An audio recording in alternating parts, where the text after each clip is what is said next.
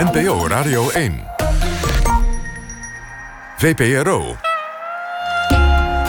Nooit meer slapen.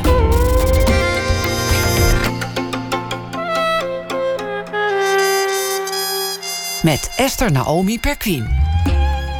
Goedenacht en welkom bij Nooit meer slapen. Vandaag gaf de Nigeriaans-Amerikaanse schrijver Teju Cole een lezing bij Spui 25 over de klassificaties van de ander in literatuur, politiek en samenleving. En de thema's van zijn nieuwe essaybundel Nieuwe en Vertrouwde Dingen. Na ene hoort u van Cole wat hij daarmee precies bedoelt. En Laura van Dolron komt dan langs. Ze is comedian en filosoof. En haar nieuwe voorstelling heet Wij, waarin het gaat over de gevaren en geneugden van ons wijgevoel. En nu hier tegenover mij zit Pepijn Schoneveld. Geboren in 1985. Hij is acteur en cabaretier. En een aantal maanden geleden had hij hier al moeten zitten. Maar toen gooide een Turkse staatsgreep roet in het eten. En we hebben daarom voor vannacht met de wereld afgesproken dat het even rustig blijft. Pepijn Schoneveld studeerde af aan de, Ameri aan de Amerikaanse. Wist je dat, Pepijn? Een heel internationaal goede school. Een, een georiënteerde, breed georiënteerde jongen dus. De Amsterdamse Toneelschool en Kleinkunstacademie. En daarna stond hij op het toneel met zijn eerste solovoorstelling Meneer Jongetje. Nu speelt hij try-outs van zijn tweede cabaretvoorstelling Morgen klaart het op. En daarin gaat het onder meer over de instinctieve gedachten... waar we als mens weinig invloed op hebben. Pepijn is dus eigenlijk ook een man die probeert grip te krijgen op zijn gedachten, omdat ze anders met hem op de loop gaan. En wie naar hem kijkt, ziet het eigenlijk gelijk. Dit is iemand die met zijn geest op puppycursus gaat. Het is herkenbaar, hopeloos en opmonterend tegelijk. Want natuurlijk denkt hij dingen die hij niet wil denken en ook niet moet denken misschien. Maar zie dat maar eens braaf in een mandje te krijgen of door een hoepel te laten springen. Zoeken naar een manier dus om jezelf aan te lijnen en voelen dat je bent uitgerust met oerinstincten en angsten, waar je in deze verwarrende tijden toch bitter weinig aan hebt. Pepijn. Wauw. Fijn dat je er bent. Ja, dankjewel. Eindelijk. Wat een mooie introductie. Ja, ik doe daar altijd. Schrijf je ook recensies? Want dan nodig je uit. Ik dacht dat je zou zeggen, schrijf je ook recepten? nee. Maak jij wel eens iets van een recept? Of kan jij ook niet zo goed tegen die toon? Welke toon? Nou, die toon van recepten, dat er staat uh, snij Doe dit. Ja, Doe dat. Ik het maak zelf wel uit. Um, nee, ik kan eigenlijk maar vier gerechten vrij goed. En dat is zalm. uh, pad thai. Um, wat er aan er nog twee? Ik weet niet, nog twee Die andere heb je al een tijdje Kip niet, uh, van Jamie Oliver. Kan, kan je eigenlijk goed. niks fout mee doen met kip. Nee, gewoon in de oven doen. dat is eigenlijk altijd heel goed. Zijn we te veel te amicaal begonnen? Ja, we zijn veel te amicaal Sorry, mensen. Dat krijgen we er ook niet meer uit. Um, ja, laten we even afdalen naar de traumatische eh, jaren van je jeugd. Anders wordt het weer gelijk zo uh, gezellig. Ja. Twello. Ja, Ja. is een plaats die mij toch per ongeluk ontgaan is. Nou, je hoort hem heel vaak bij de, uh, hier ook, uh, bij Radio 1. Uh, want vaak zijn de files tussen Apeldoorn en Twello. Dus ik hoor het vaak toch wel voorbij komen op de radio. Het is in die zin een veelgenoemde plek. Veelgenoemde plek. Hoe was het daar zo'n beetje? Nou, ik heb wel eens gezegd dat je, je hebt daar, als je in Twello woont, altijd tien vrienden. Want je zit in een voetbalelftal. En dat zijn ook je vrienden. Dus het is. Ik hield niet van voetbal, maar ik zat op voetbal omdat dat mijn sociale uh, omgeving was. En, en, uh, um, en het is aan de ene kant een hele, het is een hele rustige, mooie plek. En ik heb heel veel in bossen gespeeld en zo. Wat ik ieder kind aan kan raden. Aan de andere kant is het ook, doe maar normaal, doe je al gek genoeg. Dus tot je achttiende hou je het vol met Lego spelen en, en, en, en hutten maken. En op een gegeven moment moet je daar een beetje weg. Of moest ik, moest daar een beetje weg. Maar ik ga daar met heel veel plezier nog naar terug. Omdat het gewoon zo rustig en mooi. En ja, als ik daar kom, dan denk ik... oh ja, hier kom ik vandaan. Dit is echt... Het is ook altijd, als ik er terugkom, groter dan ik dacht in mijn, in mijn geheugen. Het is altijd wijdser dan ik dacht. Het is, ik, hoor- als ik daar uitstap, uh, uit het station of uit de auto... dan voel ik meteen de rust. Dus ik, ik kom daar wel graag.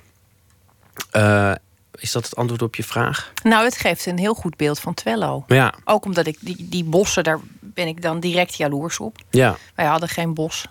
Wij kwamen uit Zeeland, heb je alleen dijken waar je wel van af kon rollen. Oh ja, Maar dat was je na drie keer eigenlijk ook, ook wel weer zat. zo uitgerold. Ja. God, nou. Ehm, wat ik. eh, eh, ik gaf een heel goed antwoord. Jij doet meteen weer amicaal. Ja, is ontzettend vervelend. Het ligt niet aan jou. Oké. Jij ging. ehm, jij, jij, jij zat als jongetje ook heel veel in de kassen. Ja, mijn vader die was uh, uh, veredelaar. En dat betekent dat je planten op zo'n dusdanige manier, op een natuurlijke manier uh, kruist met elkaar. Dus niet genetische modificatie, maar je, je bestuift ze, dat je nieuwe soorten krijgt. En, en de, uh, zaden daarvan, die verkocht hij over de hele wereld. Dus hij maar, maakte dan. Maar kan dat? Kun je zomaar twee planten dat ze. Ja, je kan. Dat ja, een nieuw plantje ik weet niet hoe dat technisch. Ja, hij heeft bijvoorbeeld. Uh, ik, oh, ik krijg ruzie met mijn moeder als ik het fout zeg. Maar um, hij heeft, je hebt bijvoorbeeld begonia's. Of, of nou ja, begonia's volgens mij. En die jeuken heel erg. Ah, ik weet het niet zeker. Maar die jeuken heel erg. En hij heeft er dan voor gezorgd dat je een soort kreeg die niet jeukte. Door het gewoon te veredelen. Dus hij. hij uh, of bijvoorbeeld uh, cyclamen, dat zijn best grote planten. En dan de kleinste van een, een, een groep uh, cyclamen nam die dan en die kruiste die met nog een kleinere, waardoor de plant steeds kleiner en uiteindelijk krijg je dan hele kleine cyclaampjes. Dus als je nu in de winkel uh, hele kleine cyclaampjes ziet staan, die heeft mijn vader uh, gemaakt. Jouw vader is een jaar of drie ja. inmiddels geleden overleden. Ja. Het is een, ehm, op elke leeftijd een klap, maar zeker als dat gewoon nog helemaal niet in de planning nee. zat. Zal ik maar nee, zeggen. ik was 28. Nee. Je, je begint je voorstelling ermee. Nou, dat is inmiddels uit. Je hebt dat eruit getry Ja, ik heb dat eruit getry-out. Ik begon, ik begon mijn voorstelling altijd met dat ik zei... hey, ik vind het heel leuk om hier te spelen. De laatste keer dat ik hier speelde ging dat heel goed. Maar dat kwam omdat mijn vader net overleden was. En dan ben je heel erg uh, depressief en, en zwartgallig. En dan speel je heel erg goed cabaret. Dus ik hoopte de afgelopen dagen heel erg dat mijn moeder zou sterven. Maar dat is gelukkig niet. Maar daar begon ik mee, maar dat, ik merkte dat dat, dat, dat, ja, dat zet meteen zo'n harde toon dat ik dat nu weg heb gehaald. Ik begin nu de voorstelling met de vraag of de mensen in de zaal zitten met gevoelens. Dat is, Zodat begin... je daar rekening mee kunt houden. Nou, zo, en, dan, en dan begin ik over dat we allemaal gevoelens hebben. Maar de, de, de, de die, die ene opmerking die heb ik eruit gehaald. Ja, dat was meteen zo'n. Uh, dat is dan zo in your face. Dat ik dacht, ik, mensen moeten vaak al een beetje aan mij wennen als ik speel. Omdat ze me ook raar vinden. En uh, dat ik dacht, nou, ik haal dat er maar uit. Dus dat zit er niet meer in. Nou ja, het is, het is natuurlijk het zetten. Maar de, uh, de dood van mijn vader wel hoor. Die zit die, zeker in mijn voorstelling. Die is, die is er de dood komt echt wel terug in de show. Nee, maar het, het zet, los van dat het een harde toon zet, is het ook direct helder dat je werkt vanuit ook het persoonlijke. Ja, zeker. Ja, eigenlijk alleen maar. Ik, ik, ik vertel eigenlijk alleen maar verhalen uh, uit mijn. Dus ik ben niet politiek geëngageerd, zoals ze dat dan noemen. Ik vertel gewoon verhalen uit mijn leven en, en ideeën die ik heb. Dus in die zin is het wel. Het is meer maatschappelijk geëngageerd of. Uh, sociaal. Sociaal geëngageerd. En hoe we, het gaat meer over hoe we denken dan. Oh, Geert Wilders dat doe ik niet. Ik, ik praat, het is eigenlijk alleen maar over mijn eigen leven praten. En zou je het uh, kunnen of willen? Want het wordt natuurlijk. Nee. Om, de, om de haverklap komt er dan weer eens ja. iemand die vindt dat dat moet. Ik was ook gevraagd of ik auditie wilde doen voor uh, In de Wereldrijd Door. Om, uh, ten eerste kan ik, zou ik dat niet kunnen. En ten tweede dacht ik ook, ja, dat is dus echt niet mijn mijn stijl. Dat is niet. Dat je heel dat, snel direct moet reageren. Ja, dat je direct op, op de, op de actualiteit moet. Uh, dat, nee, dat, dat kan ik ook niet. En ik heb het wel eens geprobeerd, maar ik. Um, ik, uh, ik vind het gewoon leuk om gewoon over mijn eigen leven te vertellen. En daar gebeurt genoeg rare dingen in. Daar kan ik genoeg mee vullen om. En, en het is in die zin niet. Ik probeer niet navelstaarderig te zijn. Ik probeer altijd wel. Um, datgene wat ik meemaak en de rare gedachten die ik heb, zo te kneden tot een verhaal waarin iedereen. Dus waarschijnlijk zul je wel de eerste twee gedachten herkennen. Maar het gedrag wat daaruit voortkomt, de dingen die ik doe met die gedachten, die, die zul je niet herkennen. En die worden dan grappig. Maar ik probeer wel die eerste twee aanzetten van gedachten, dat dat wel, dat iedereen dat herkent. Want als dat, ik heb ook wel eens uh, verhalen verteld. En dat ik merkte, hé, hey, het publiek uh, gaat niet met me mee. Maar dan zei mijn regisseur, dat komt omdat je te snel over gedachten heen stapt die wij allemaal hebben. Dus je moet daar heel secuur in zijn. Dus, uh, dus, dus ik vertel gewoon allemaal dat soort verhalen over mijn leven. Zonder over de politiek te praten. Nou ja, ik, Vind je ben, dat jammer? Nee, oh. ik, ik, her, ik herken dat wel een beetje. Wat? Nou, dat, dat, dat, dat, dat, het engagement waarom gevraagd wordt, is namelijk ook heel vaak uh, iets wat, wat snel moet en wat niet, wat niet doorvoeld is. Wat nou ja, het is ook iets is. Nederlands. Het is heel ne wij zijn natuurlijk komen uit een traditie van uh, Freek de Jonge en, en uh, Joep. Nou, Joep en zo. En dat, dat is. In, als, in Nederland wordt gezegd hij is geëngageerd, dan bedoelen ze hij is politiek geëngageerd. dus er is een soort traditie van de dominee die het publiek gaat vertellen hoe ze wat hem op is gevallen. En we hebben de oudejaarsconferentie natuurlijk, wat helemaal daarover gaat. En en, en over politiek gaat. Dus de, de, de traditie is politiek geëngageerd zijn. Um, maar je ziet nu langzaam een verschuiving ook doordat stand-up steeds meer in, in het land komt. En bij stand-up gaat het ook vaak gewoon over persoonlijke verhalen. En, en dat daar nu wel een verschuiving is. Dus dat, dat, uh, dat, daar, ja, dat daar ook meer ruimte voor is. Maar je ziet gewoon dat heel veel ouderen vinden het dan snel navelstaarderij. En die zeggen dan, ja, maar jullie moeten iets zeggen. Jonge cabaretiers moeten iets zeggen over de wereld. En vaak proberen we dat wel, maar is onze invalshoek niet de politiek, maar is ons eigen leven. En daarmee proberen we iets te zeggen over de wereld waar we in leven. Tenminste, dat is wel wat ik altijd uh, probeer te doen. Dus met mijn eigen verhalen iets zeggen over de wereld waar we in leven. De mechanismen die zich afspelen. Een onderwerp wat heel veel bij jou uh, terugkomt en wat ik trouwens ook uh, een, een thema vind dat bij uitstek geschikt is om de wereld mee open te leggen, is, is angst. Ja. Kun jij, um, want dat is zo als je heel lang leeft met, met angst, ja. zodanig dat hij gewoon ook bij je in huis zit en een eigen tandenborstel heeft, ja. zou ik maar zeggen. Dan is er een moment waarop hij zijn intrede deed. Kun je dat moment herinneren of aanwijzen in de ehm, tijd? Nou, dat was als kind al. Als kind was ik al, was ik al een angstig kind. Je hebt gewoon. Ze hebben ook testen gedaan met baby's. Uh, en die een hard geluid laten horen. En dan de ene baby herstelde sneller van de schrik dan de andere baby. Dus, dus je bent al genetisch behept. Kinderen zijn al genetisch behept met uh, angsten. De een, ene kind is anders uh, bang dan het andere kind, of sneller bang. Alleen de mechanismen, hoe je met die angsten omgaat, dat, dat gaat in de loop der tijd. En ik. Ehm, mijn eerste angst was, maar dat vertel ik ook in mijn show. Dat is dat ik bang was dat ik homoseksueel zou zijn. Ehm, dat was eigenlijk mijn eerste uh, angst. Dus dat ik twaalf was en uh, merkte, oh, allemaal vriendjes van mij die gaan met meisjes, maar ik vond het allemaal oninteressant. En toen kwam ineens de gedachte in me op, oh, misschien ben ik wel homoseksueel. En daar raakte ik zo van in paniek dat ik dacht, ja, als dat me zoveel doet, dan ben ik het wel. Of dan ging ik heel erg proberen.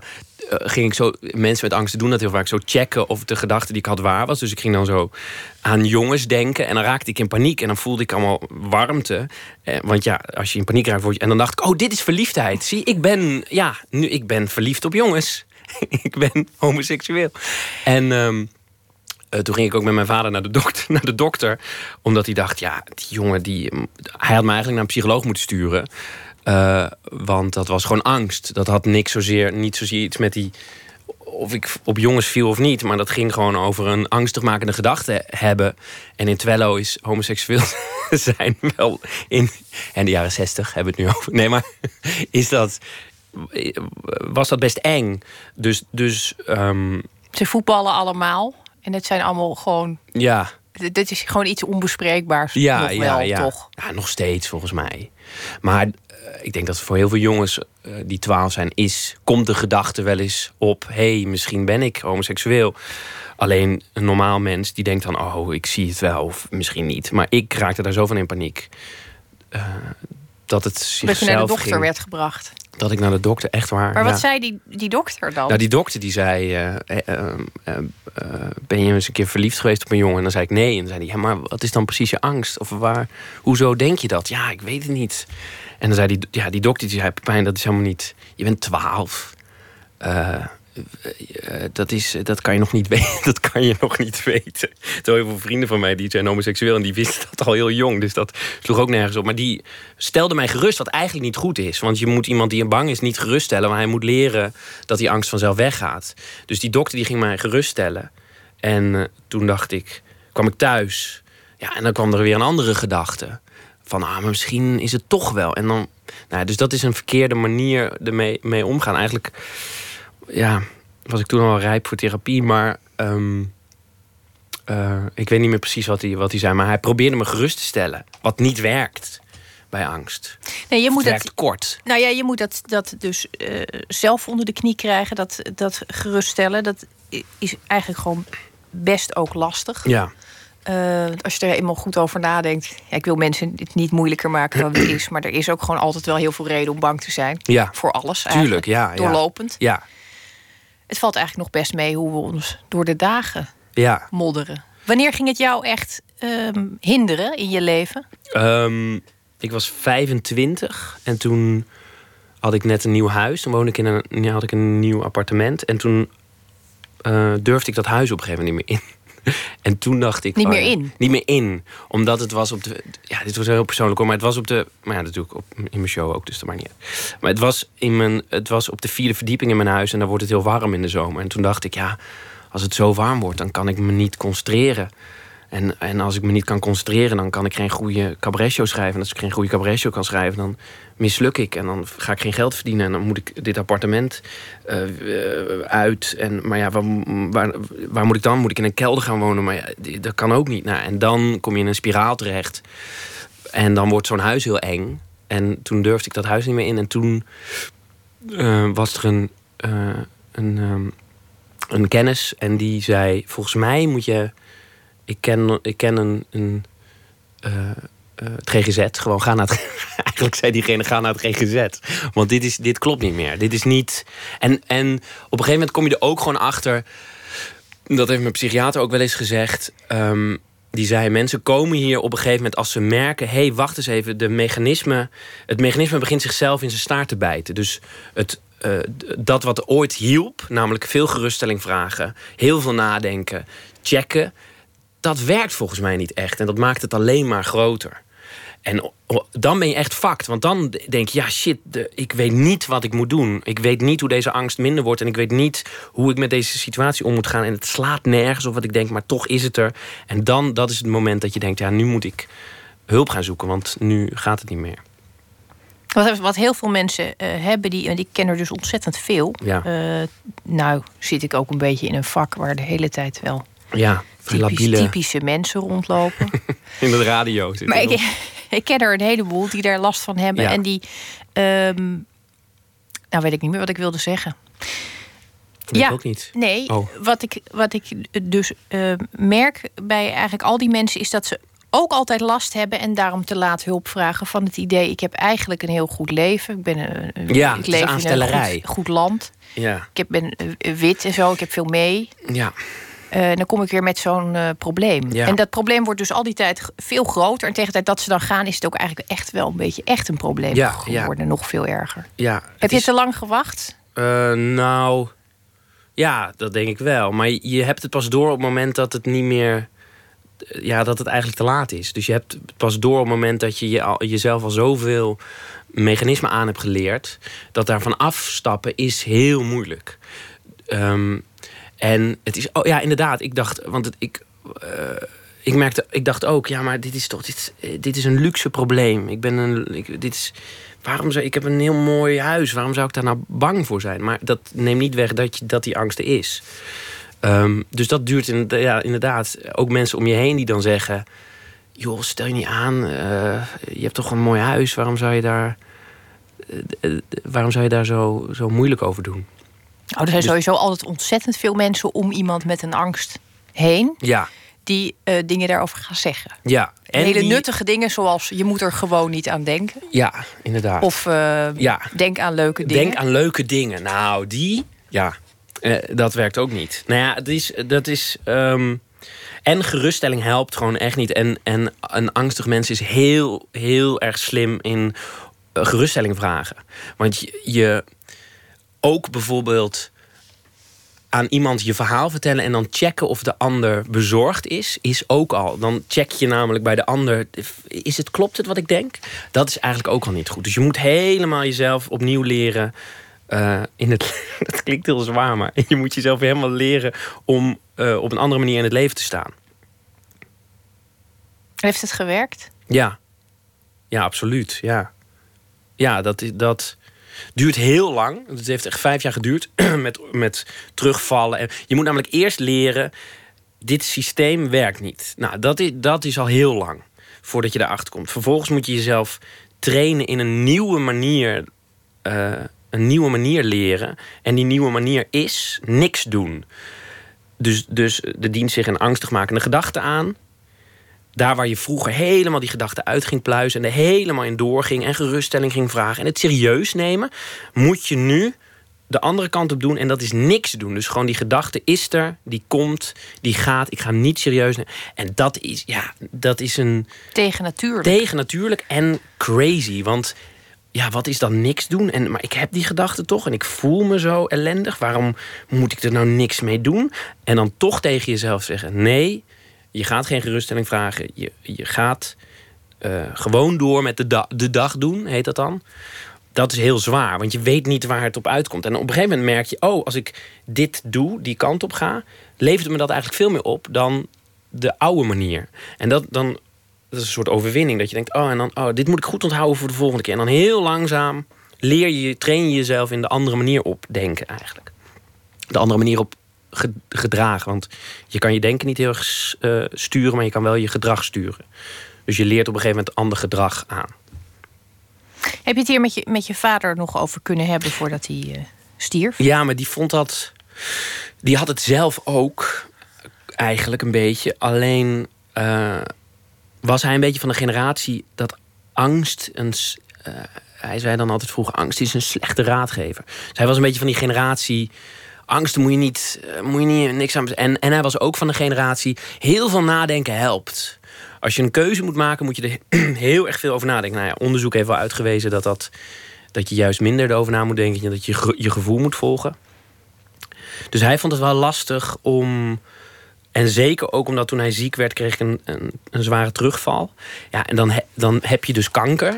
Dan ben je stervend. En dan zie je je zoon ook nog eens eh, heel bang zijn. Dat is natuurlijk niet prettig. Dus dat was wel lastig, ja. Voor hem.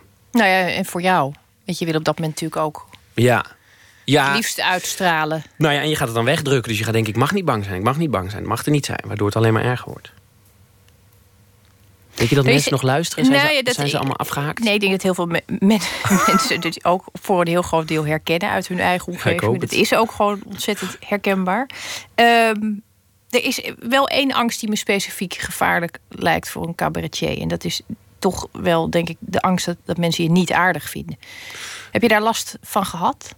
Ehm, hoe bedoel je niet aardig? Op het toneel Nou, of als ik speel? Ja, want je, toen we net begonnen over... eh, God, je, je opende je eerste try-outs met die, met die Ja. harde grap over je vader. Ja, Ehm, de, de keuzes die je maakt om dat eruit te gooien, die zijn natuurlijk aan jou. ja, ja. ja. Maar ik kan me voorstellen dat je. Nou ja, je hoeft, ik vind het gewoon lastig als je, als je een zaal voor je ziet en er Ja. zitten een paar mensen boos naar je te kijken. Ja. Lijkt me ontzettend lastig aan jouw vak. Ja, dat is heel. mo- Ik krijg ook best vaak boze mensen na de show. Omdat ik dan weer iets heb gezegd waar ze, waar ze boos. Ja, mensen zijn gewoon heel snel boos. Eh, Sowieso. sowieso. Eh, en bij cabaret. Of tenminste, ik zoek ook gewoon naar. eh, ik zeg natuurlijk ook gewoon. Weet je, ik zeg natuurlijk gewoon gedachten die we allemaal hebben. En die je niet, die je niet allemaal hardop durft uit te spreken. Dus er zitten ook gewoon soms dingen tussen die mensen niet, niet willen horen. En je maakt ook gewoon. Ik maak ook grappen over, over, me, dus over kanker. Om- Omdat ik vind dat je daar grappen over moet maken. Omdat ik dat de enige manier is om ermee om te gaan. Eh, dus ik krijg ook wel, wel eens mensen die, die boos zijn omdat ik dan iets heb gezegd. En dat vind ik eigenlijk het moeilijkst. Omdat je, je kan iemand die boos is niet zeggen... ja, maar het is maar een grap. Je moet het, ik maak juist een grap erover om het te verlichten. Maar als iemand boos is, dan is die al niet eh, zacht. Want hij is boos. Ehm, dus dat vind ik wel moeilijk. En ehm, het moeilijkste als je speelt. Ik vind het niet zo erg als mensen eh, me niet aardig vinden. Ik vind het wel lastig als ze me niet. Als je merkt dat ze je niet begrijpen. Dus als je ze niet meeneemt in je denkwereld. Dus als ik, als ik merk, oh wacht eens even, zij, zij snappen niet deze gedachte. Eh, en dan verlies je zo'n zaal. En dan voel je dat zo'n zaal denkt, hè, maar ik snap deze jongen niet. Dit is raar. Dat is, dat is heel lastig. En dat heeft niet zozeer met of ze me vriendelijk vinden of niet te maken, maar eerder met eh, gaan we mee in zijn denkwereld. Dat is wel lastig. Eh, verder wil ik gewoon heel erg aardig gevonden worden. Door iedereen. Ja, dat, dat, dat, dat lukte ook tot nu toe eh, redelijk. bij Oh, mij. dankjewel. Ja. Je hebt eh, Praten met Pepijn gemaakt. Daar heb ik ontzettend om gelachen, omdat ik de hele tijd dacht dat het echt was en dat Oh ja. heel laat door had. Het is een reeks eh, interviews, of, of eigenlijk ook persiflages op interviews met Ja. allerlei beroemde mensen. Ja. Waar je de meest ongemakkelijke Ja. vragen aan stelt. Toen dacht ik, want ik had jou toch echt ingeschat als een hele aardige jongen. Wat een onaardige jongen is dat. Toen dacht ik, wat kan, wat kan jij goed, schaamteloos, ongemakkelijk eh, zijn? Ja. Ehm, Komt dat ook door het nou, het is wel... Ja, misschien... Nou, wat ik... Ik zei een keer tegen mijn regisseur, toen zei ik... ik wil het liefst, als ik speel, wil ik eigenlijk het liefst hebben... zoals ik tegen mijn oma doe. Dus mijn oma, die is 90 bijna, volgens mij. Eh, mijn moeder, die haat me nu echt, want ik zeg alles verkeerd. Maar ehm, die is 90 volgens mij. En, en die, ik kan alles tegen haar zeggen. Dus ik kan de meest nare dingen tegen haar zeggen. Eh, maar zij pikt dat van mij. En zij moet daar heel erg om lachen. Eh, omdat ze me vertrouwt en omdat ze weet... oh, Pepijn maakt grapjes. En we laten hem. Wat zeg je dan bijvoorbeeld? Pepijn? Ja, dat, ik was al bang dat je dat ging vragen. Maar ik... ehm, ja, eh, wat, Die angst is ja, ze weer... hoort slecht of zo. En dan, ja, ik weet niet meer. Ja, ik weet niet. Ze kan even niet opkomen. Maar ik zeg gewoon eh, nare dingen tegen haar. En zij lacht daar heel hard om. Dus ik probeer altijd, en dat vind ik ook het leukst. En dat, dat was bij Praten met Pepijn ook. Maar dat probeer ik ook in mijn show. Toch een beetje te porren. En toch een beetje. Eh, Dus ik had het laatste was. eh, Ik, ik heb een stuk in mijn show over dat je een doel moet hebben in je leven. Dat dat belangrijk is. En dan vroeg ik, vroeg ik aan een vrouw op de eerste rij. Toen zei ik. Was een wat oudere vrouw. Toen zei ik: Wat is uw doel? En toen zei ze: Oud worden. Toen zei ik: Nou, je bent al lekker onderweg. En dat zo'n gedachte, zo'n zin flap ik eruit. En gelukkig pikte ze het. Eh, en dat vind ik leuk. Want dan zeg je dus iets naars. En mensen weten wel dat het naar is, maar pikken het wel. En dat is, dat is eigenlijk leuk. Daarom heb ik ook wel eens boze mensen, omdat sommige mensen dus dat niet pikken als je dat doet. Ehm, waar ging ik heen? Ehm, Dat je zo goed ongemakkelijk... oh ja, dus bij Praten met Pepijn vond ik dat ook heel leuk, omdat daar mocht ik gescript ver gaan. Dus ik mocht, ik mocht eh, tegen Gijs Scholten van Aschat zeggen: eh, Hoe vind je het om, de, om na Pierre Bokma de beste acteur van Nederland te zijn? En dat is heel leuk, want ik, ik hoefde niet bang te zijn dat hij boos zou worden, want wij hadden van tevoren dat al besproken en hij had gezegd dat hij dat heel grappig vond. Dus ik was heel blij dat ik daar ver in mocht gaan. Kun je En- eindelijk eens, eens tekeer gaan. want ja, en tegen, tekeer gaan tegen de gevestigde orde. Dus tekeer gaan tegen mensen die, hoog, die veel hoger staan dan ik. Ik sta toch een beetje omhoog, omhoog te, te, te slaan. Pepijn Schoneveld, dankjewel dat je er was. Ja, dankjewel. Wanneer gaat hij eh, uitrollen? Eh, de show. 26 Nou ja, ik speel maandag eh, in Café Hofman in Utrecht. Ga ik opnames maken van, eh, van mijn show. En eh, 16 december ga ik in première in Bellevue Nou, in Amsterdam. ik ben er in ieder geval. Oh, leuk. Dat zeg ik nu vast. Yes. Dan weet je dat. Maak ik je helemaal kapot. Nou, het lijkt me heerlijk. Dit programma is ook de podcast. Ik zeg dat nog maar eens. En hoe dat allemaal moet, dat kunt u op onze website vinden. vpro.nl, nooit meer slapen. Straks na het nieuws gaan we verder met het tweede uur. Dan lezen we, eh, spreken we Karin Amat Moekrin. En we gaan het hebben over Breda Foto. Dat en meer straks na het nieuws van 1 uur.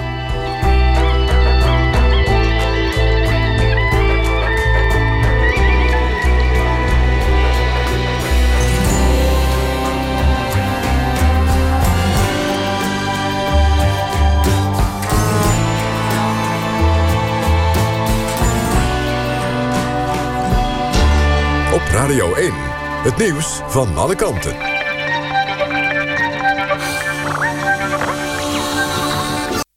10 uur, Clemens Peters met het NOS Journaal. In Harderwijk is een timmerfabriek door brand verwoest. De brandweer liet het pand gecontroleerd uitbranden... en kon alleen voorkomen dat de brand oversloeg naar de bedrijven naast de fabriek. Bij de brand is niemand gewond geraakt, wel kwam er veel rook vrij. De timmerfabriek Olofsen was een familiebedrijf... en bestond al meer dan 100 jaar. In de fabriek werden deuren en kozijnen gemaakt. De Amerikaanse presidentkandidaat Donald Trump heeft de steun gekregen van zijn voormalige rivaal Ted Cruz. Op Facebook schrijft de senator uit Texas dat hij op Trump gaat stemmen. Eerder noemde Cruz Trump nog een pathologische leugenaar en op de Republikeinse conventie weigerde hij zijn steun aan hem uit te spreken. Nu zegt hij onder meer dat Trump de enige is die nog kan voorkomen dat Hillary Clinton president wordt. Trump heeft laten weten zeer vereerd te zijn met de steun van Cruz. Noord-Korea gaat zijn nucleaire wapenarsenaal versterken... heeft het land op een vergadering van de Verenigde Naties gedreigd. Volgens de minister van Buitenlandse Zaken is dat nodig... vanwege de constante nucleaire dreiging door de Verenigde Staten. Hij doelde onder meer op recente vluchten van Amerikaanse toestellen... boven Noord-Koreaans grondgebied. Volgens de Amerikaanse minister Kerry zijn die vluchten nodig... om Noord-Korea te dwingen om te onderhandelen over de ontmanteling van zijn nucleaire installaties. De meeste e-mails die Hillary Clinton als minister van Buitenlandse Zaken... vanaf haar onbeveiligde privéserver verzond... worden pas openbaar gemaakt na de presidentsverkiezingen. Dat heeft de rechter bepaald. Een conservatieve actiegroep wilde de mails zo snel mogelijk inzien. Nu is bepaald dat niet meer dan 1050 van de ruim 10.000 mails op 4 november bekend worden. De rest wordt na de verkiezingen van 8 november vrijgegeven. De actiegroep noemt het uitstel van de publicatie een corrupt proces, omdat burgers informatie wordt onthouden op het moment dat ze een president kiezen. Het weer, vannacht opklaringen. Met 6 graden wordt het koud en er is kans op mist. Morgen is er weer veel zon en in de middag wordt het 22 tot 24 graden. En zondag dan wordt het nog iets warmer. Dit was het NOS Journaal. NPO Radio 1. VPRO. Nooit meer slapen.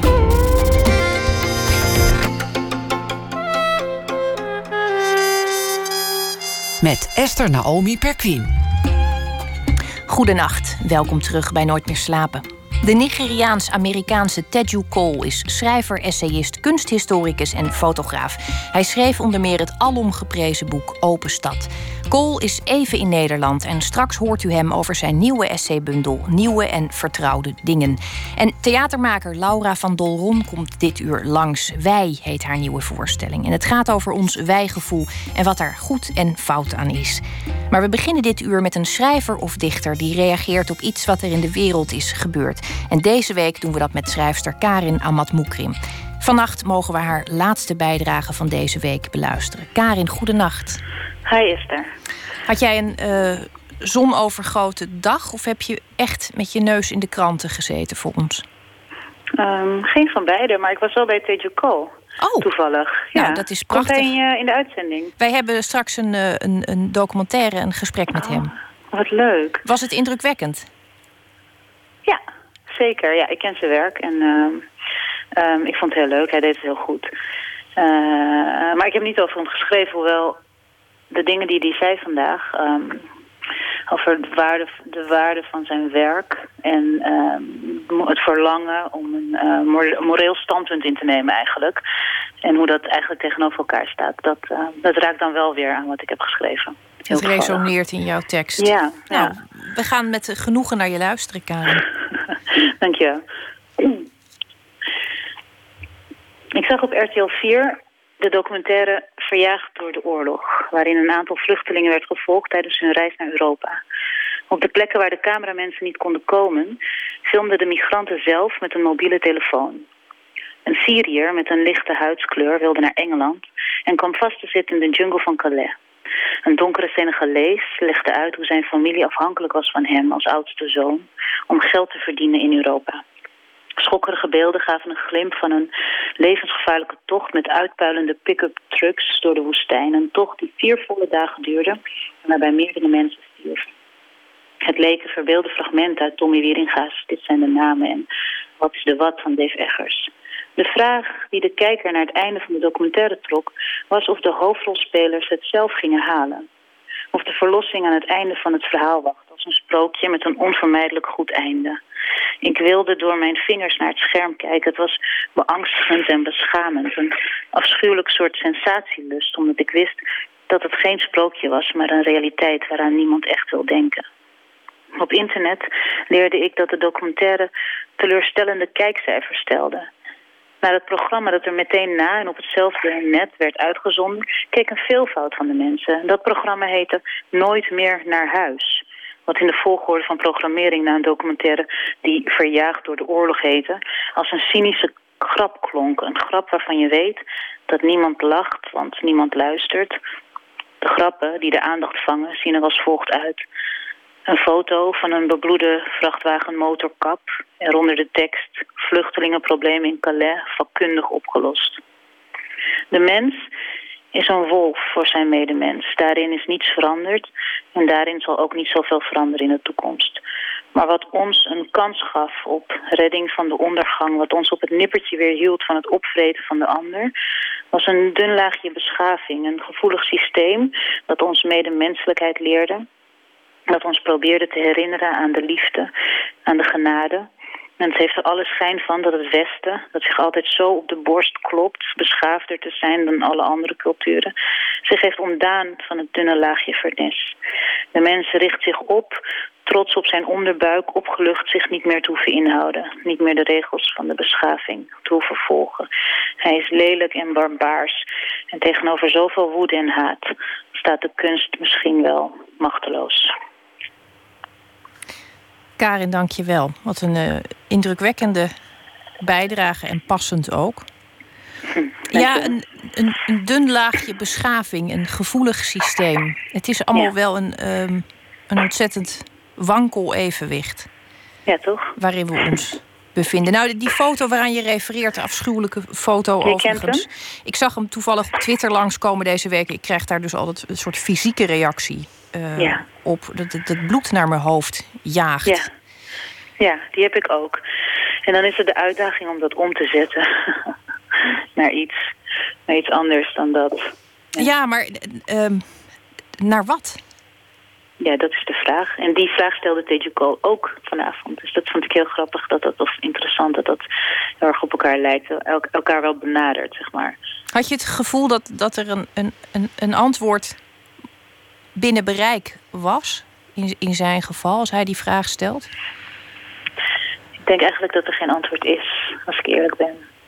Maar het helpt, het, het troost misschien wel om erover na te denken. Ja, en, en hoe massaler misschien, hoe, hoe beter. Ja. Het zat daar goed vol vanavond, heb ik begrepen. We gaan daar straks dus alsnog meer aandacht aan besteden.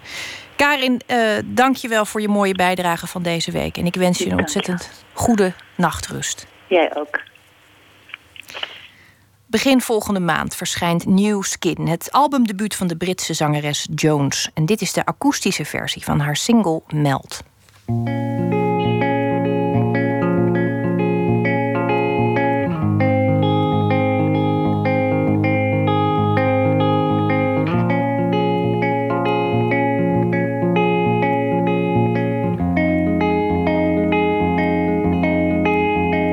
Whatever happens, gonna repair. No matter what happens, you know we got something rare. We started with nothing, grew into something. We got the heat to last a lifetime if it's the right time. Trust in me Take it from someone who's had a tough run.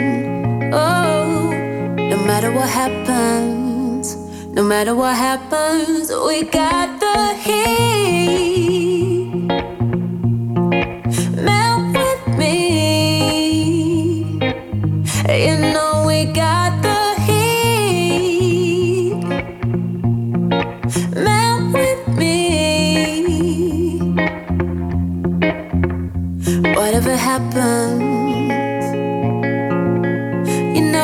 Know something real. No matter what happens, you know I'm gonna want you near. So get over here. We started with nothing, grew into something. We got the heat to last a lifetime if it's the right time. Trust in me. Go for the motions, this isn't over. Matter what happens, no matter what happens, we got the heat.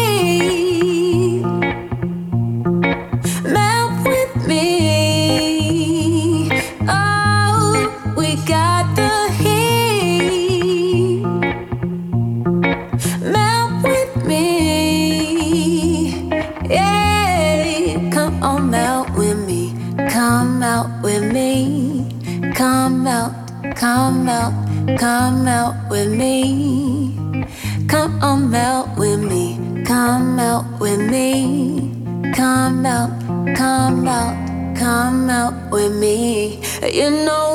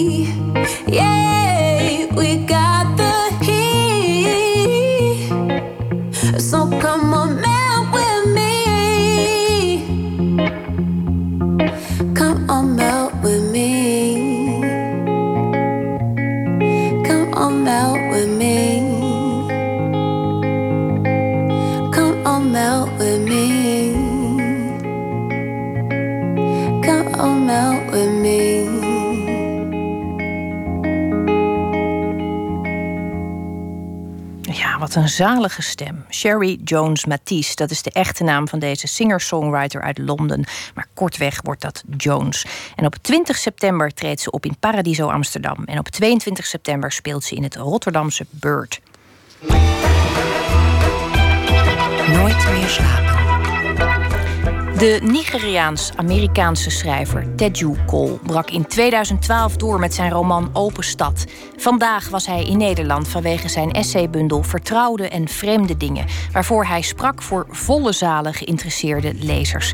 Collega's Anne Moraal en Emmy Colau spraken hem over racisme, de overeenkomsten tussen mensen wereldwijd en over hoe de 41-jarige zwarte schrijver zich makkelijk kan identificeren met Harry Mulisch. Teju Cole is romanschrijver, essayist, fotograaf en cultuurcriticus. Hij werd geboren in de Verenigde Staten als kind van Nigeriaanse ouders, maar groeide op in Lagos.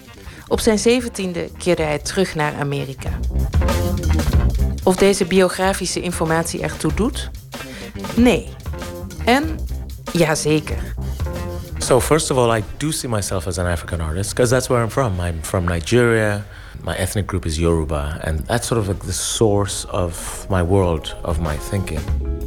Cole ziet zichzelf als Afrikaanse kunstenaar. En dus maakt hij automatisch Afrikaanse kunst. Ook al denken veel mensen bij Afrikaanse kunst aan maskers en potten. I think sometimes when we think African art, we think it has to be sort of, you know, uh, masks and carved ritual objects. So, but by my definition, anything that an African artist does is African art. Even if I'm taking photographs in Japan, Cole draagt vandaag een opvallende zijden sjaal.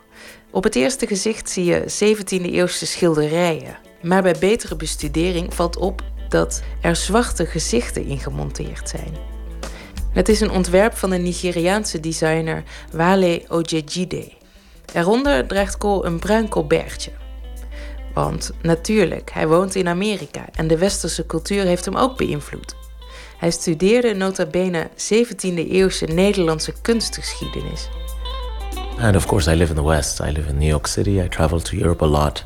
And those are obviously very great um, sources of um, influence for the work I do. Literair criticus Daan Stoffelsen over het werk van Cole.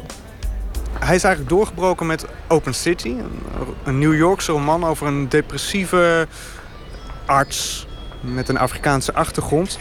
Een, een, een fantastisch boek.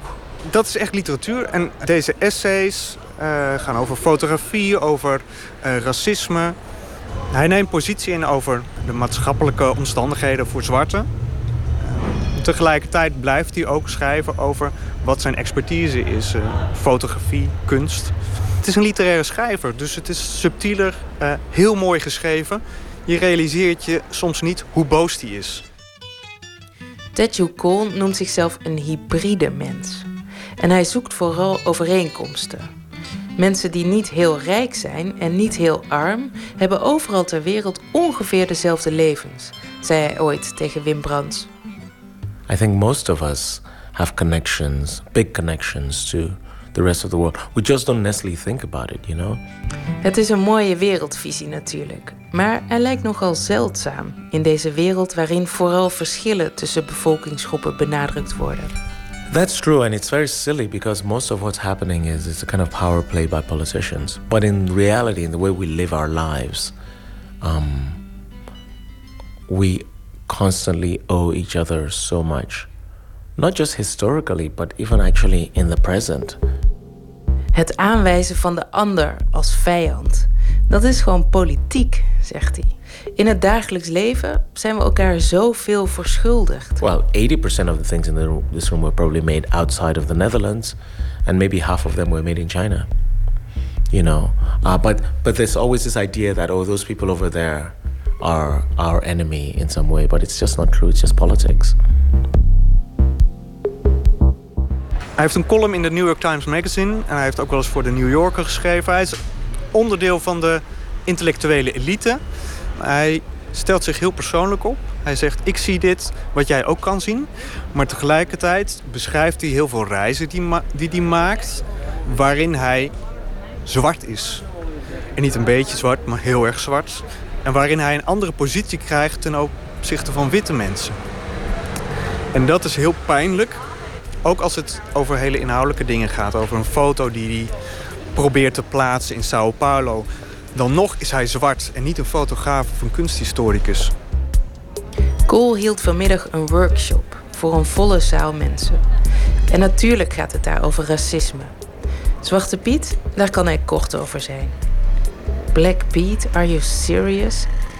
De verschillen tussen Europa en de VS? Volgens hem is het grootste verschil dat er in Europa geen enkele ruimte is om überhaupt over racisme te praten. In het eerste essay van zijn boek beschrijft hij hoe zwarte mensen in de eerste plaats vooral een zwart lichaam zijn. Nog voordat je een joch bent dat gewoon op straat wandelt, of een Harvard-hoogleraar. Racisme is tijdrovend, schrijft hij ook. Hoe dat zit? Well, the first slightly funny answer to that is that it simply takes a lot of time because I have to always talk about it in interviews. so. Misschien heeft hij wel gelijk en is het tijdverspilling om hem vragen te stellen over racisme. Als je het ook met hem over Bach kan hebben, Virginia Woolf, de beelden van Ife of de schoonheid van Yoruba-poëzie. The real thing where it really wastes your time is having to deal with the challenges and the doubts of people who need you to give, to prove yourself that, you know. I want to sit down and write beautiful essays about um, photography and analyze what I'm seeing in the visual world. Um, you know, but first of all, maybe I have to deal with uh, somebody saying that, you know, um, oh, he's black, why, is, why isn't he writing about Africa? Or um, he expresses political opinion, you know, uh, we don't think, you know, that's really appropriate. Or, you know, it, there's always a time-wasting element to it. De bundel van uh, Tetsu Cole heet Vertrouwde en Vreemde Dingen. En voor mij is heel veel wat hij beschrijft is bekend. Bach bijvoorbeeld. Uh, maar heel veel is ook onbekend. Zoals hij loopt door een museum in, La Lagos. Of zoals hij uh, een Af Afrikaanse schrijver beschrijft. Ik ken die man niet. Maar door kunst uit verschillende werelden naast elkaar te plaatsen... Ja, is er niks wits, westers, eurocentrisch meer aan wat, wat hij zegt. En aan Bach. En dat is, een, uh, dat is tegelijkertijd uh, bemoedigend.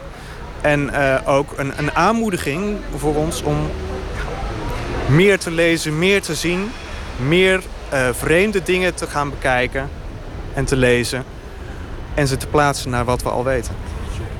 To a certain extent, I think we're helpless in the face of history. Because for history to move forward, we need a big agreement over a large number of people. Mostly, what I look for in my work is not to make like a big societal change, but it's to help provide small moments of connection and possibly consolation to the people who read me. De buitenwereld denkt altijd anders over je dan je over jezelf denkt. En dat is niet alleen voor zwarte mensen zo, zegt Cole. Yeah, I mean, there's always, not always, but there's frequently a little bit of a disconnect between the person that you know that you are and the way the world sees you, for sure. Maar dan is daar het wonder van kunst. So I don't think it's only in the case of being a black man that that comes up. I think it comes up for everyone. Um, this is one of the wonders of art that then we relate to people who are really sort of physically and in their life conditions very, very different from us. Um, when I'm reading James Baldwin or reading Virginia Woolf, you know, they're not me. You know, Virginia Woolf doesn't look like me. She doesn't speak like me. Her life is so different from mine. Her appearance is so different. But when I'm reading a good passage by her, we our minds are the same. It's incredible, you know.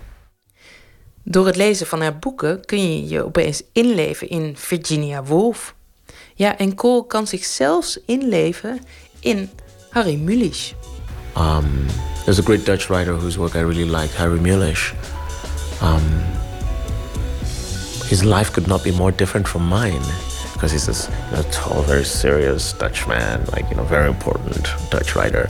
Um, different life, different social being, and yet on the page, there's this connection. De essaybundel van Teju Cole heet Vertrouwde en Vreemde Dingen. En u hoorde een bijdrage van Emmy Colau en Anne Moraal. Deepwater Horizon is een booreiland in de Golf van Mexico. En in 2010 explodeerde dat. En daar is een film over gemaakt waarin dit nummer van Gary Clark Jr. te horen is. Take Me Down.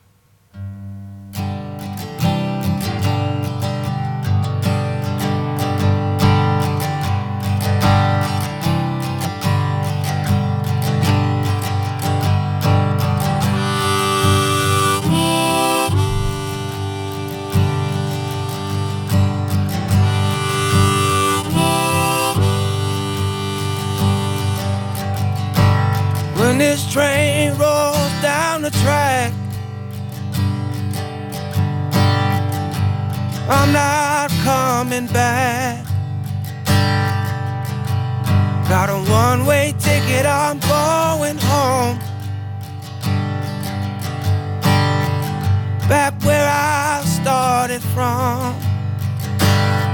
Oh, take me down south. When you take me home, Lord. When you take me home,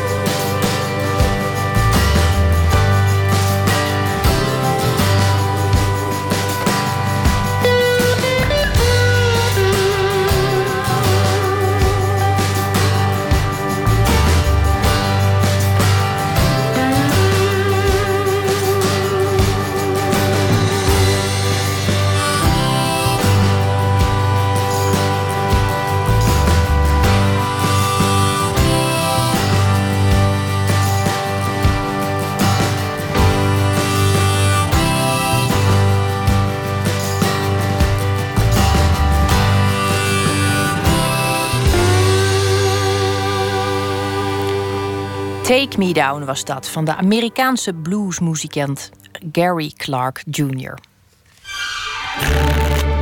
Open kaart. In Open Kaart duiken we de kaartenbak in en dat doen we vandaag met Laura van Dolron. Hoe bepalen wij wie wij zijn? Zijn er dingen waarvoor we zouden willen sterven?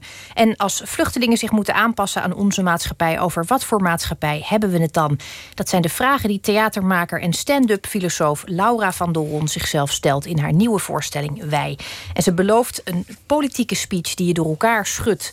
Ze maakt bevlogen voorstellingen waarin ze zichzelf en de wereld kritisch maar met humor beschouwt. Stand-up filosofie doopte ze haar zelfontwikkelde genre. Maar voor de gelegenheid is ze er gelukkig even bij gaan zitten.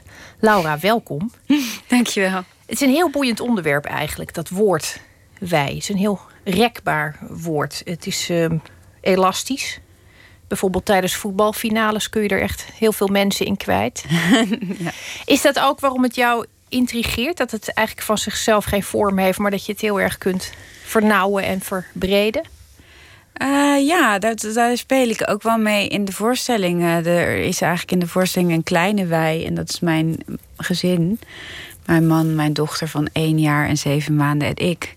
En ik besef dat die kleine wij, eh, dat, dat daarbij het risico bestaat dat, je, dat het zo comfortabel is. Dat je daarin een beetje in eh, verzand raakt. Maar ik weet ook dat die kleine wij in een grotere wij verankerd moet zijn. Omdat het anders gevaarlijk is. Dus, eh, dus ik probeer dat begrip op te rekken in deze voorstelling. Ik probeer te zoeken naar... eh, ik- ik maak ook heel, vaak persoon, heel persoonlijk werk. In deze voorstelling heb ik echt een beetje gezocht naar...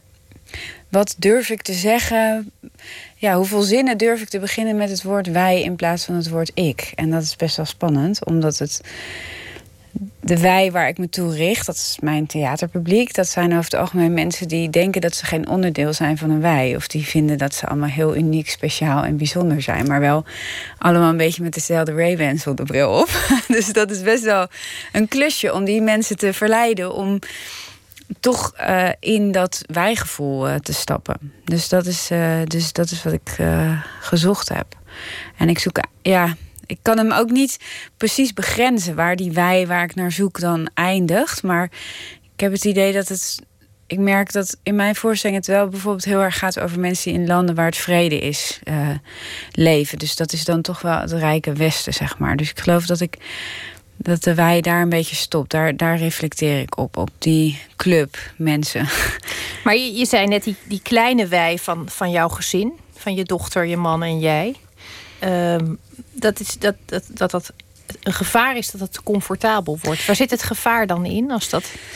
Nou, eh, ik zeg dat ook in mijn voorstelling. Ik heb in mijn leven best nogal wat liefdesverdriet gehad. En dat is nu lang geleden, zo lang geleden... dat ik er bijna nostalgisch eh, op terug Ja, kan terugverlangen. kijken.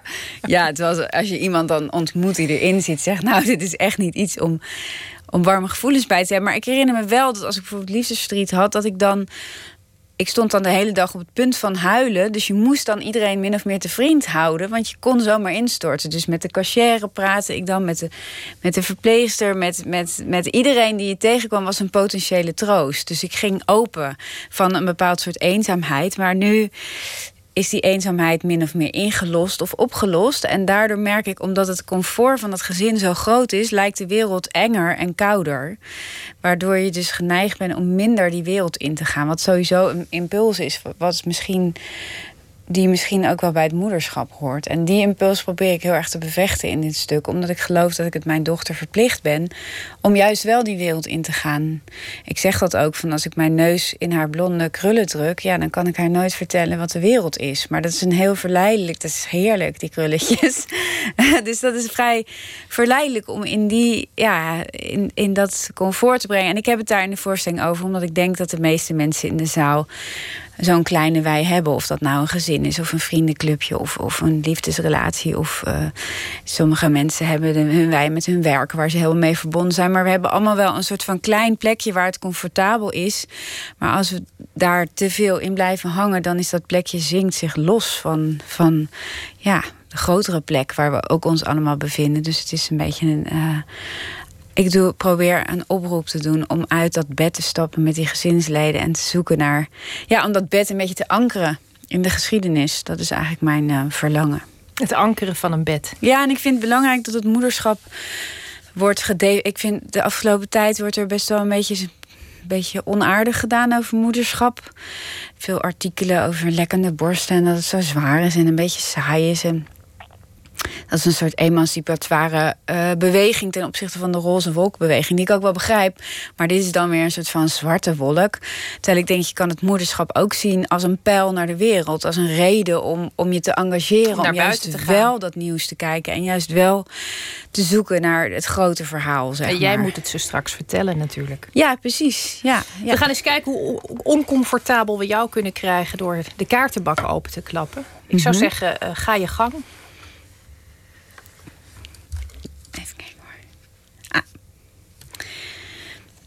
Waar hebben je ouders je altijd voor gewaarschuwd? Nou, het is alweer alsof we het erop uit hebben gekozen. het is echt toevallig dat je deze pakt. Fantastisch. Nou, even denken hoor. Wat een goede vraag zeg. Jeetje. Um, die luisteren natuurlijk, hè? Dus ik moet voorzichtig zijn. Ik weet wel dat mijn vader mijn ouders uh, hebben mij nooit echt voor dingen gewaarschuwd. Die geloofden volledig dat ik um, ja, het helemaal zou vinden zelf. Uh, dat is misschien ook de reden waarom ik probeer mijn dochter wat meer zeg maar, te ankeren of zo. Maar uh, ik kan me wel herinneren dat mijn vader, dus niet altijd, maar die heeft één keer tegen mij gezegd: Je steekt je licht onder de korenmaat. En dat was heel indrukwekkend, juist omdat hij mij nooit ergens voor waarschuwde. Wist je ook gelijk wat hij bedoelde? Uh, ja, dat denk ik wel. En ik had ook wel gelijk een verdediging in mijn hoofd. Maar ik weet het, ik herinner het me nog steeds. Dus het is wel iets wat indruk maakte. Ik geloof niet dat ik er gelijk iets aan deed. Je ging niet de volgende dag al brallend van zelfliefde over straat? Nou, nee. Maar hij bedoelde volgens mij vooral dat ik me niet dat ik niet uh, alles uit mijn talenten haalde. En ik denk dat ik pas weer terug ging denken aan die uitspraak toen het goed gekomen was. Zo van, zie je wel, nu wel. En ik ben één keer door een commissie gebeld die zei... je zit ver boven de zaaglijn. Ik was zeg maar, mijn, mijn aanvraag was zo goed dat hij. En toen dacht ik terug aan wat mijn vader had gezegd: van onder de korenmaat boven de zaaglijn. Dus dat was indrukwekkend. En mijn moeder die heeft mij denk ik altijd een beetje niet expliciet, maar impliciet gewaarschuwd om. Um, niet afhankelijk te worden, om heel erg je eigen pad te kiezen. Zo sterk dat ik nu juist voorstellingen maak over wij en samen. dus wel, dus dat, uh, die waarschuwing, daar heb ik denk ik eerst heel erg goed naar geluisterd. Zo goed dat ik niet echt een lange relatie kon volhouden. En nu probeer ik die waarschuwing ook af en toe in de wind te slaan. En wel ook een ander pad dan mijn eigen pad te volgen. En, Maar waarom was dat dan? Was je dan toch bang om afhankelijk te raken of, of qua denken met iemand te ik verstrengelen? Nee, ja, ik was wel echt. Uh, ja, ik was heel zo van 20 tot 30. Stond echt in het teken van. Toen dacht ik echt dat voor jezelf kiezen per definitie betekende tegen iemand anders. Dus dat, dat om je autonomie te vinden, dat je altijd iemand anders eerst weg moet sturen. En uh, dat heeft mijn moeder mij nooit zo expliciet gezegd. Maar ik denk dat dat wel iets is wat voor haar heel belangrijk was. Zij is ook nog net weer van een andere generatie vrouw, waar dat ook denk ik meer nog speelde. Uh, om dat eigen pad te volgen en je, en je niet te veel uh, door een man te laten leiden. Of, dus ik denk dat zij, ja, dat heeft zij mij wel meegegeven. En ik heb dat een beetje te, te veel als een dogma opgevat, waardoor mijn liefdesleven gewoon een lange, ja, soort aantrekken afstoten toestand was. Waarbij ik steeds, als ik me overgaf aan iemand, het gevoel had dat ik mezelf zou kwijtraken. Terwijl ik nu, ik zeg het ook toevallig, of niet toevallig, in mijn voorstelling zeg ik ook van, heb ik het over geliefdes die het uitmaken onder het motto: ik ga, ik ga weg bij jou om mezelf te zoeken. En dan zeg ik dat het over het algemeen niet werkt, omdat die mensen zichzelf nog meer kwijtraken, omdat ze de ene persoon waar ze zichzelf in zouden kunnen vinden wegsturen. Dus die waarschuwing heb ik, uh, heb ik geprobeerd, uh, leef ik niet meer echt na. Denk ik. En zij heeft nu. Het is nooit dat ze zegt van. Uh, je moet je nu niet verliezen in je gezin. Maar het is. Ergens heb ik dat opgepikt, dat signaal of zo als twintiger. En dat wilde ik ook graag horen natuurlijk als twintiger. Dus, dus dat denk ik. Ik vind het toch goede waarschuwingen van allebei de kanten. Kan Zeker. Nee, ontzettend absoluut. misgaan. Maar dat Nou, zijn nee, goede, maar ik heb daardoor mijn geweest. carrière opgezet. Alleen op een gegeven moment dacht ik zo, nu moet ik.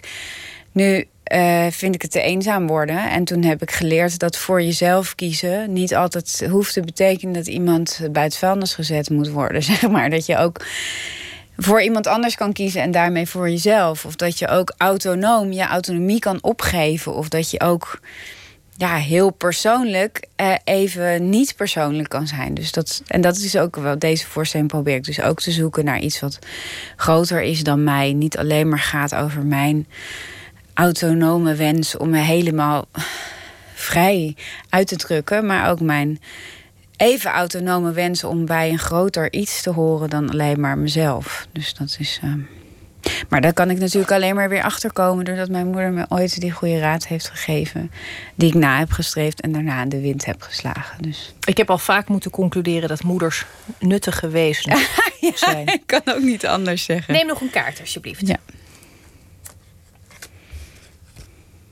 Oh, leuk. In welke film zou je willen spelen? Jee.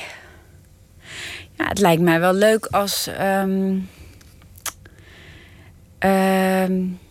Werner Herzog een film over mijn leven zou maken. En dat ik daar dan zelf... Dus een documentaire van Werner Herzog over mij. Ja, dat lijkt me geweldig. Waarom een documentaire? Heb je geen Nou, ik speel graag mezelf.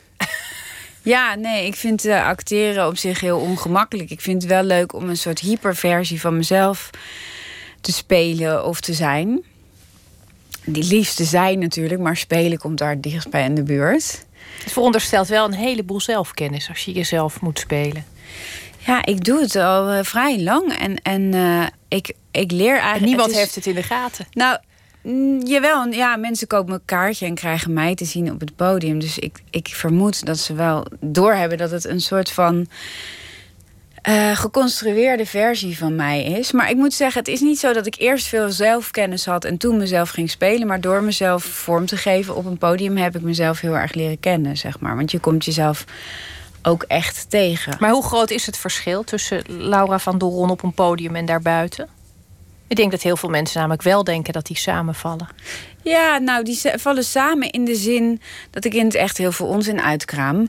En op het podium probeer dat zo min mogelijk te doen. Dus het is een uitgepuurde versie van mij. Mijn geliefde, die zei ook grappig. Ik zie een soort in een flits alle onze gesprekken, maar dan alle meest to the point de opmerkingen die je in die gesprekken maakt, die zitten erin. Maar de onzin en de zoektocht en het. En, het ge, eh, En alle moppen die je vertelt. Vet ga ik maar grappen. die, eh, die worden er allemaal naast af en toe een kleintje. Die komen er altijd steeds meer in. Hoe vaker ik een voorstelling speel, dan ga ik me vervelen en dan ga ik een beetje grapjes maken. Maar ja, ik vind mezelf op het podium over het algemeen scherper en grappiger. Maar ook kwetsbaarder, gek genoeg. Juist omdat ik me veilig voel daar, kan ik ook dingen toelaten. Is dat dan de vrouw die je het liefst zou willen zijn? Is dat wat je speelt? Nee, want. eh, nee, want daarvoor is het toch weer te. Geconstrueerd. Nee, ik vind ook die vrouw die het echt niet weet en naar buiten staart en zich achter de oor krabt en elke keer weer verrast is over de ingewikkeldheid van het leven en steeds opnieuw weer in de dagboek schrijft: ik snap er niks van. Vind ik is me ook lief. Alleen die hoeft niet iedereen te zien. Maar ik ben wel blij dat ik die wel kan zien in de spiegel. Nee, ik zou, oh, ik zou gek worden als ik alleen maar die eh, vrouw op dat podium was. Die ook zo bewust was van zichzelf. En dingen overkomen me wel op het podium, maar dan weet ik het ook. Van, ik weet, in deze voorstelling zit een stukje waar ik min of meer breek. Dat ik gewoon echt heel erg geraakt ben. En dat gebeurt me. Maar ik denk ook van, ah, dat is wel mooi dat dat hier gebeurt. Weet je wel, nou, dat is niet fijn. Dat wil je in het echte leven niet. Nou, wie jij allemaal op het podium eh, bent, is straks te zien. Laura van Doron, hartelijk dank dat je er was. De voorstelling Wij beleeft op 6 oktober de Nederlandse première in Frascati in Amsterdam en is daarna overal in het land te zien. Nou, ik ga zeker kijken. Leuk. Dankjewel. We gaan muziek draaien van de Ierse singer-songwriter James Vincent McMorrow. Hier is Get Low.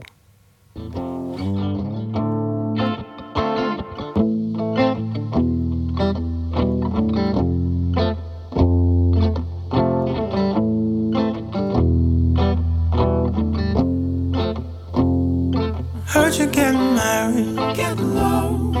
Everybody says, Get low. Greatest man alive. Get low. I've been told. Oh, I can never show, I can never show. Bought yourselves a diamond. Get low. Finally getting paid. Get low. Buying people silence. Get low. They're afraid. You never show, you never show. Concentrate on violence. It works. It can get you so far. End up feeling worse. It's cold and you're left with no one. I love the way your heart had no room. Loving what your heart. Even when you smile, so cruel. Loving what your heart becomes. Remember when my hands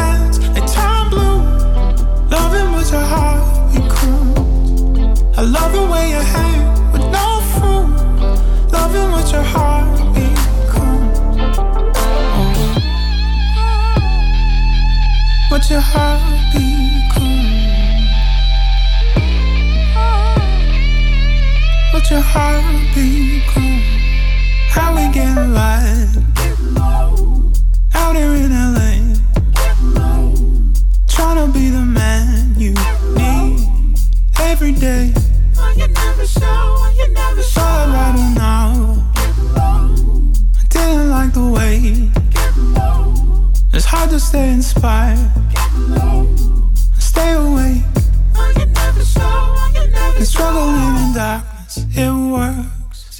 It can get you so far. But digging in the dirt it gets old, and you're left with no one. I love the way your heart had no room. Loving what your heart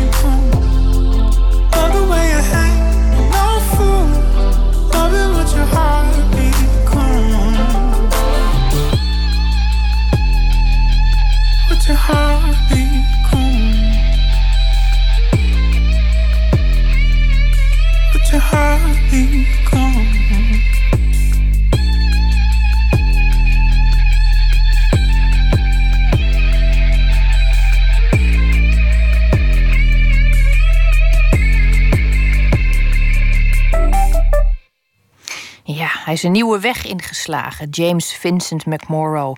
Deze nieuwe plaat van hem, We Move. Dit is volkomen elektronisch.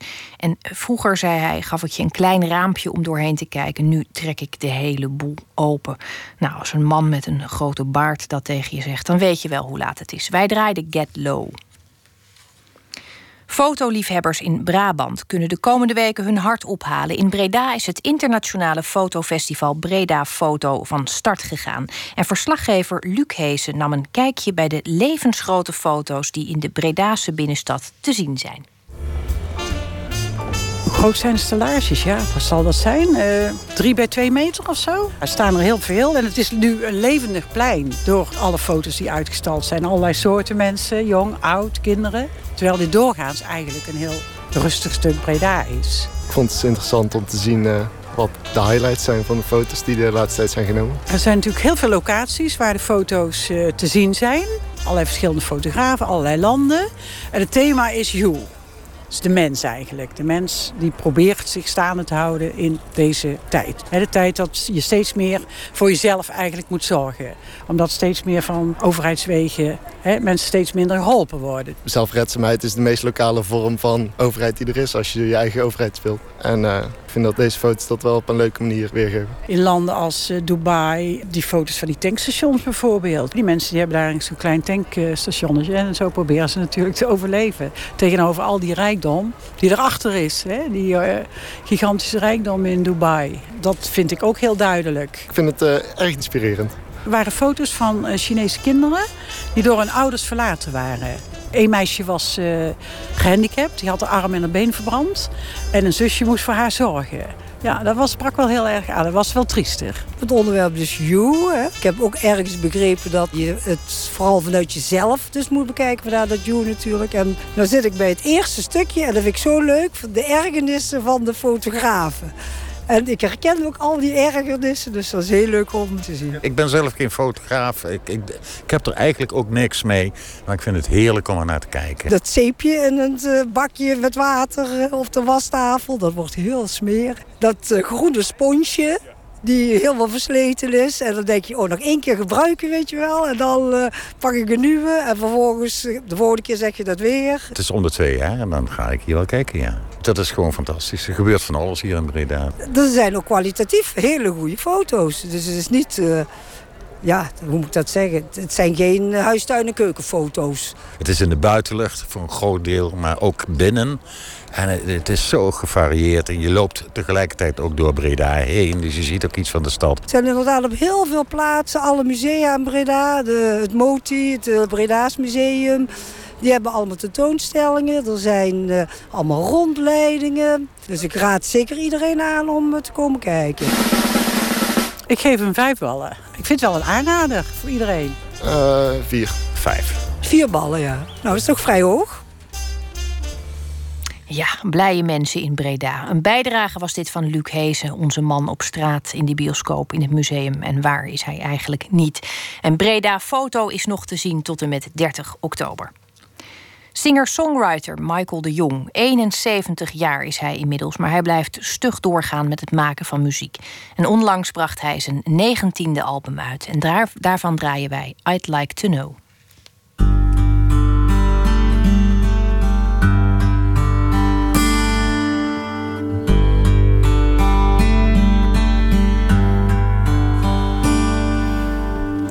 What were you thinking when you What were you thinking when you turned your back on everything we both had worked so hard for? I'd like to know.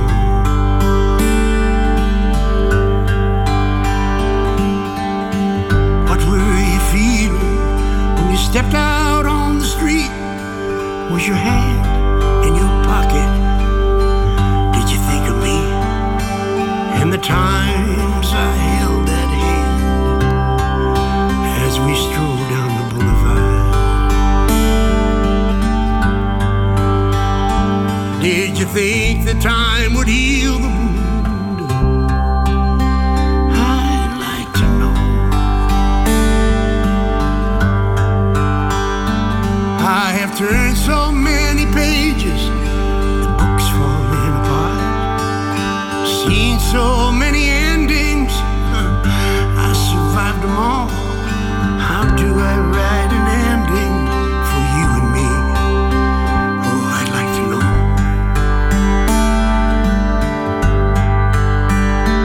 So I go through the motions with the words of the song. I stay away from anything that rhymes with why. I still don't understand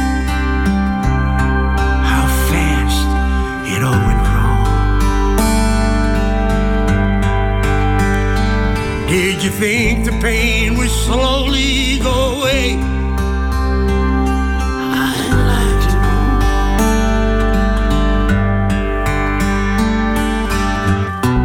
Let the music speak for me. Let the melody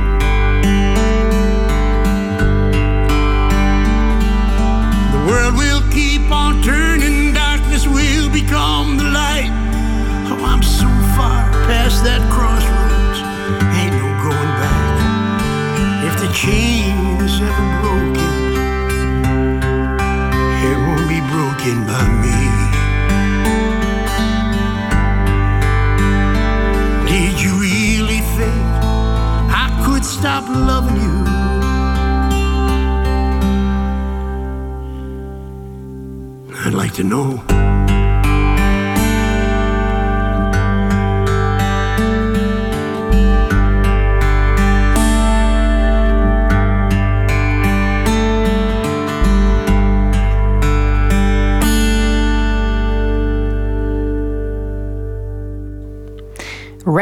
For the Lonely heet dit nieuwe album. En zijn nummer heette I'd Like to Know.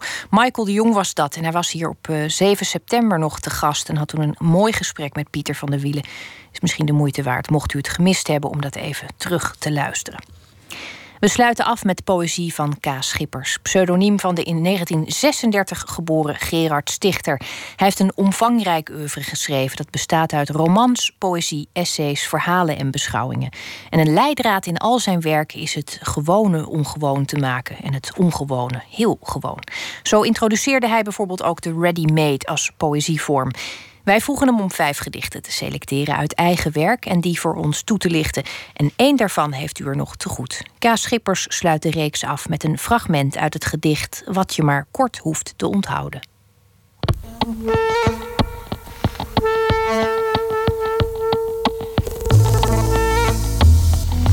Wat je maar kort hoeft te onthouden. En dat is dan een fragment. Het telefoonnummer van een ijzerwinkel. Een genezen wond. Kamer 31. Het gezicht van een taxichauffeur. Hoeveel minuten je te laat kwam. Schoenen die je niet meer draagt. Voorbijgangers op een zebrapad. De stem van een vrouw die verkeerd is verbonden. Wolken. Het gewicht van een tas. Adres van een opgeheven stomerij. Geluid van vallende pannen regenplassen. De man voor je bij de bakker. Figuren in een kaleidoscoop. Een paraplu in een wachtkamer. Klank van het verkeer. Afgeknipte nagels. Bewegingen van een kapster. Het nummer van een gereserveerde stoel. Handdruk op een receptie. Een kamer gezien door een raam. Zeepbellen. Een vrouw die je de weg vraagt in je eigen buurt. Dit is wat ook in de titel wordt gezegd, wat dan maar heel kort is, een soort tijdelijke kennis die uh, een genezen wond hoef je niet te onthouden. Of kamer 31 in een hotel, je bent er geweest, maar dat nummer glipt door de vingers van je geest. Het doet ook denken aan de aanloop tot iets. De aanloop van, bijvoorbeeld, je ziet een, een, dat had ik laatst, een winkel met LP's en je wil naar binnen gaan en je, het komt er niet van. Dus een aanloop tot iets wat gebeurt of de tijdelijke kennis. Ik denk dat daar, daar zit het leven eigenlijk vol mee en je hoofd ook. Ik zal het nog een keer lezen. Wat je maar kort hoeft te onthouden. Een fragment. Telefoonnummer van een ijzerwinkel. Een genezen wond. Kamer 31. Het gezicht van een taxichauffeur. Hoeveel minuten je te laat kwam. Schoenen die je niet meer draagt. Voorbijgangers op een zebrapad. De stem van een vrouw die verkeerd is verbonden. Wolken. Het gewicht van een tas. Adres van een opgeheven stomerij. Het geluid van vallende pannen. Regenplassen. De man voor je bij de bakker. Figuren in een kaleidoscoop. Een paraplu in een wachtkamer. Klank van het verkeer. Afgeknipte nagels. bewegingen van een kapster. Het nummer van een gereserveerde stoel. Handdruk op een receptie. Een kamer gezien door een raam. Zeepbellen. Een vrouw die je de weg vraagt in je eigen buurt.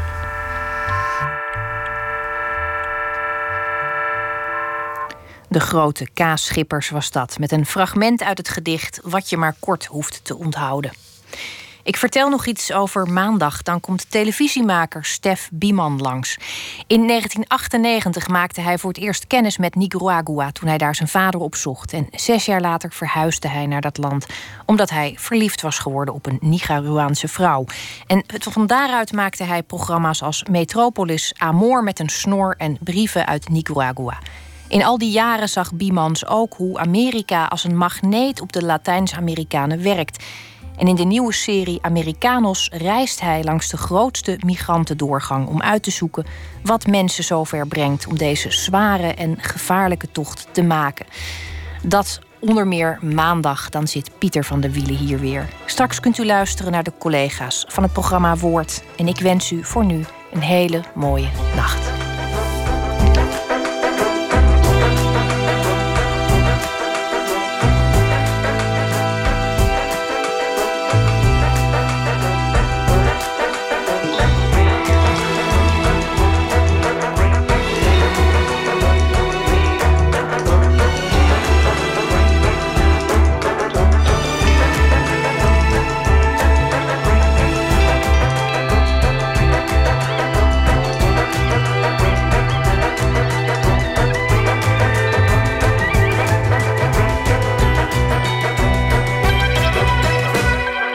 Radio 1, het nieuws van alle kanten.